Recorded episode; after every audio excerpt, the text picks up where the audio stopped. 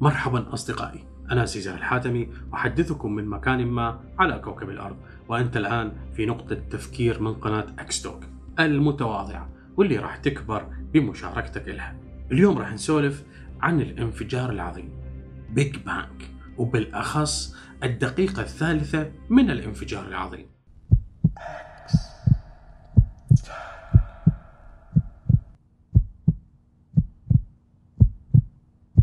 حضر شاي أو قهوة لأنه اليوم الحلقة شوية مطولة. خلينا نبلش. أدري لويش الدقيقة الثالثة من هذا الانفجار تعتبر هي الدقيقة المهمة. وبعدين هي لويش الدقيقة الثالثة أصلا؟ ستيفن وينبرغ عمنا الفيزيائي الأمريكي عنده كتاب بسنة 1977 اسمه The First 3 Minutes. ستيفن واينبرغ خلط في كتابه فيزياء الطاقة العالية وفيزياء الجسيمات مع ال black body radiation زين شنو هو ال black body radiation بالستينات كانوا أكو مهندسين يشتغلون بشركة بيل للاتصالات. اكتشفوا بالصدفة إنه أكو إشعاع يضرب الكرة الأرضية بشكل متساوي ومن جميع الجهات.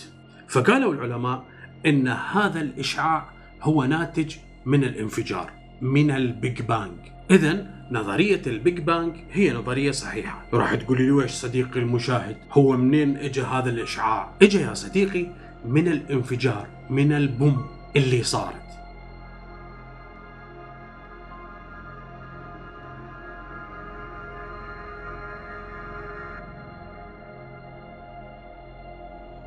فالإشعاع لحد الآن باقي يضرب الكرة الأرضية واللي من خلاله تم معرفة صحة نظرية ال Big Bang. زين كيف تم معرفة هذا الإشعاع؟ لأنه هذا الإشعاع اتفق مع ال black body radiation 100%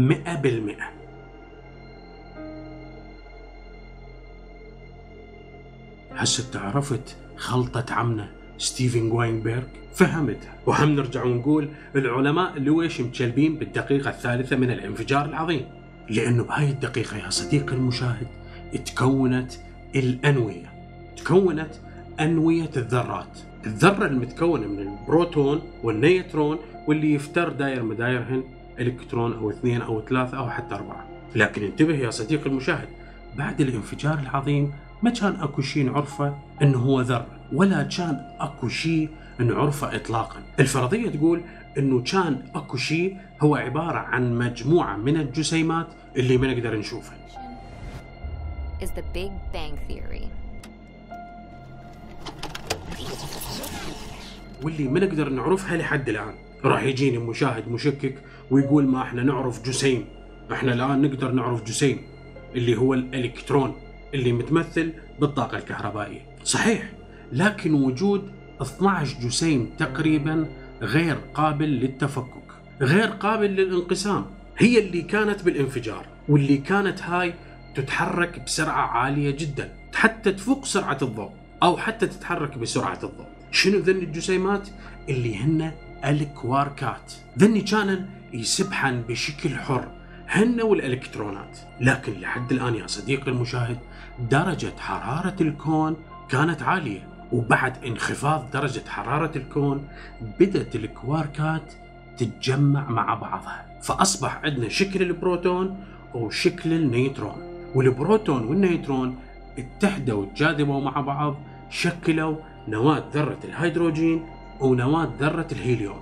وذن هن صارن يا صديقي المشاهد عبارة عن خامة للكون الخامة اللي انخلق من عندها كل شيء. فلويش قلت لك يا صديقي إنه الدقيقة الثالثة هي الدقيقة المهمة. Everything we see today. This ecosystem of everything was only possible because of the many stages in the universe's development. لأنه بهاي الدقيقة تكونت أعلى نسبة للهيليوم وأعلى نسبة للهيدروجين وكان هذا كله بدون الكترونات يعني فقط أنوية الذرات وكانت وياهن نسبة قليلة من الليثيوم وعناصر ثقيلة 74% هيدروجين و24% هيليوم والباقي هو الماء الثقيل والليثيوم وعناصر أخرى. واستمر هذا الوضع لحد الدقيقة ال 15 من الانفجار العظيم. توقع بهاي الربع ساعة تم إنتاج كل شيء وبعدها الكون برد. لكن أكو نيوترونات حرة تفككت. النيوترون اللي دخل مع البروتون واللي كون ذرة ما تفكك. لكن النيوترون الحر تفكك. توقع صديقي المشاهد لولا لحظة تكون النواة لكان إحنا ما صرنا لا أني ولا أنت ولا أي شيء. وبهاي اللحظة يا صديقي الملاحظ هي هاي لحظة لغز الكون لحظة خلق الكون.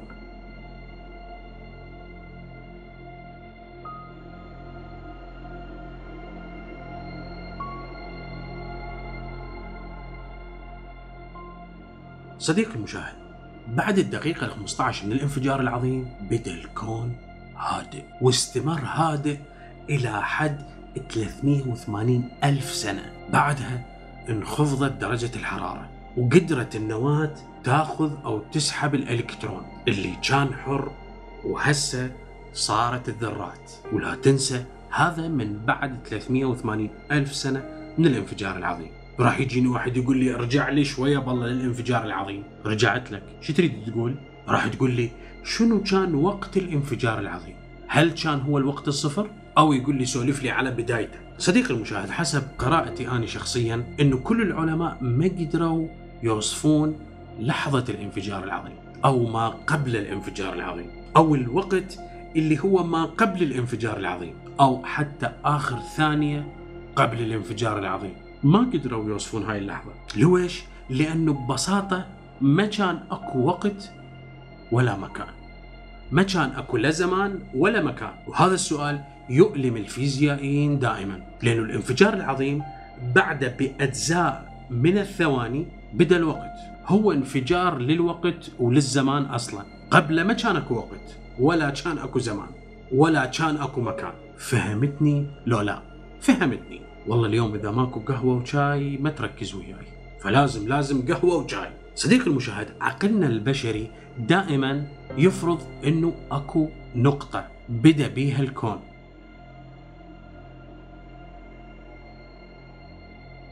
وهاي النقطة شنو اللي كان قبلها ما نقدر نوصفه. ليش؟ لأنه الفيزياء تستعمل الرياضيات. ومن نجي نحسب بالرياضيات يطلع الناتج انفينيتي ما لا نهاية. لكن السؤال شو وقت حدث الانفجار العظيم؟ حدث قبل 13.8 مليار سنة. Evolves more radically than in the 13.8 billion years that follow. خلاصة الانفجار العظيم صار في لا مكان ولا زمان. وياي أنت يا صديقي المشاهد الزمكاني؟ وياي. بس لحظة كل اللي دا أحكي بيه أني عن كوننا إحنا. الكون اللي إحنا عايشين بيه. ليش؟ لأنه أكو أكوان أخرى ما تنطبق عليها قوانيننا الفيزيائية. ما نقدر حتى نفسرها. ممكن تلقى بها سرعة الضوء مختلفة ممكن تلقى بها الثوابت مختلفة. كل شيء يختلف عن كوننا. فاللي دا أحكي بيه هي قوانين الكون اللي إحنا نعيش بيه. لكن كوننا هو كون مميز. لأنه إحنا بيه. إحنا بداخله إحنا بداخل هذا الكون الهائل. إحنا بكون جميل وغريب عن باقي الأكوان. هو اللي بيه الأرض الكوكب الجميل الأخضر وبيه حياة. وهاي الحياة إحنا متوالمين عليها. زين هو لويش انفجر الكون؟ لويش انفجر الكون علميا؟ كل الطاقات المعروفة إلنا نحن البشر مصادر الطاقة هن أربعة طاقة القوة النووية الكبرى والقوة النووية الضعيفة والطاقة الكهرومغناطيسية اللي يمثلها الضوء وقوة الجاذبية. ذولي كلهم كانوا عبارة عن قوة واحدة ممزوجين مع بعض وغير معروفين علميا. حسب ما يقول العلم وبشكل حدسي إنه أول قوة انفصلت هي قوة الجاذبية لكن كانت هي قوة negative قوة سالبة. بدال ما تجذب كانت تطرد تدفع. وهذا الشيء يسموه quantum gravity دمج نظرية الكم مع الجاذبية. وهذا الموضوع معقد جدا يا صديقي المشاهد اللي يتعقد عقلك الآن. فمن صار الانفصال للقوة يا صديقي المشاهد هو اللي ضخم الكون من حجم كرة سلة إلى الحجم اللامتناهي. هذا الشيء لو شوية تتخيله بينك وبين نفسك لمدة دقائق. اصفن شوية وافرضها ببالك كيف تضخم هذا الكون. Big Bang explosion occurred. and a universe was formed. Soon after the Big Bang explosion, Our universe was full of subatomic particles required to make up the first atoms. بحيث تضخم هذا الكون بعشرة أس 78 مرة وفترة زمنية تقدر بعشرة أس سالب 32 من الثانية هذا الجزء البسيط من الثانية توسع إلى هذا الكون من حجم كرة تنس إلى حجم الكون اللامتناهي وبهذا الانفجار العظيم يا صديقي بعد آلاف أو مليارات السنين بدأت تتكون النجوم Black holes. It all came together in one epic event. Some things aren't even possible for us humans to put into perspective.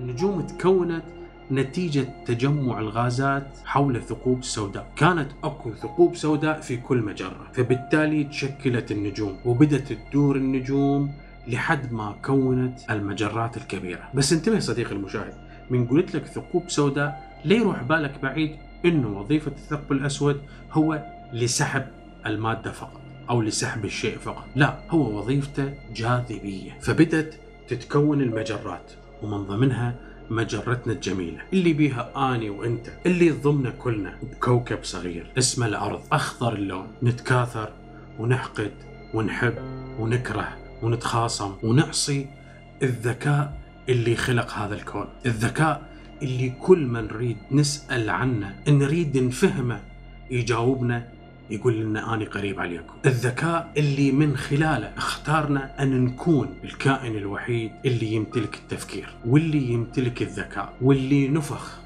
من روحه بينا واللي أرسل إلنا رسل وأنبياء حتى يفهمونا ويعلمونا أن لا نكون أعداء مهما اختلفنا مهما اختلفت دياناتنا أو أفكارنا وحتى وأن أنت ما تعترف بهذا الذكاء ما من حقي ولا من حقك أن نختلف مع بعض. هذا الذكاء اللي خلق كل شيء بدقة. هذا الذكاء اللي علمنا الإنسانية. كل هذا اللي وصل للإنسان من علم وتطور قال النبي وعلم الإنسان ما لم يعلم. هذا الذكاء اللي ما إلى لا مكان ولا زمان. بالعلم نعترف إنه الانفجار العظيم قبل كان ماكو زمان ولا مكان. لكن من يوصف نفسه هو ويقول أنا وحيد وليس له مكان أو زمان. نختلف وياه. هذا الذكاء اللي إحنا نكفر به على أقل شيء ونستغل حتى اسمه بالتجارة وبناء الشخصيات. لكن أكو مقولة لأينشتاين كان يقول بيها أني أرفض أن يوصفوني بالملحد بالرغم أنه ألبرت أينشتاين هو طفل لأم وأب يهوديين. لكن كان يرفض أن يسموه بالملحد. أو أن يوصفوه بالملحد كان هو يتبع فلسفة اسمها فلسفة سبينوزا. وهاي الفلسفة تقول أن تناسق هذا الكون العجيب يدل على ذكاء متسامي. فأينشتاين كان معجب جدا بهذا الذكاء وكان معجب جدا بهاي الفلسفة. هذا الذكاء اللي يجتاز ذكائنا. أينشتاين يقول ترابط الطبيعة يدل على ذكاء وهذا الذكاء ودي أن أكتشفه هذا اللي يسميه أينشتاين الشعور الديني العلمي. فيا صديقي المشاهد كيف قيصر أو سيزر ما يربط العلم بالدين؟ أو ما يربط العلم بكل الكتب السماوية اللي هي صادرة من نفس الذكاء. هي تابعة لذكاء واحد لمصدر واحد. كل اللي زرعوه بينا قبل عن رب العالمين حاول أنت أن تبحث به. إذا لقيت شيء ما يدخل برحمة الخالق برحمة هذا الذكاء ابتعد عنه. حبيت أختم الحلقة اليوم بفقرة لكن بطء اما لكن بكل هدوء. إن كنت تسأل نفسك من الذي خلق هذا الكون فراح أجاوبك هو ذكاء لا يوصف. ذكاء وصف نفسه في نفسه وقال قل هو الله أحد. الله الصمد لم يلد ولم يولد ولم يكن له كفوا أحد. صدق الله العظيم. هاي الآية تكفي لأنه بها حائط بلانك لأنه عقولنا ما ممكن أن تستوعبها. وشكرا لكل من شاهد وشارك الحلقة. أخوكم سيزان الحاتمي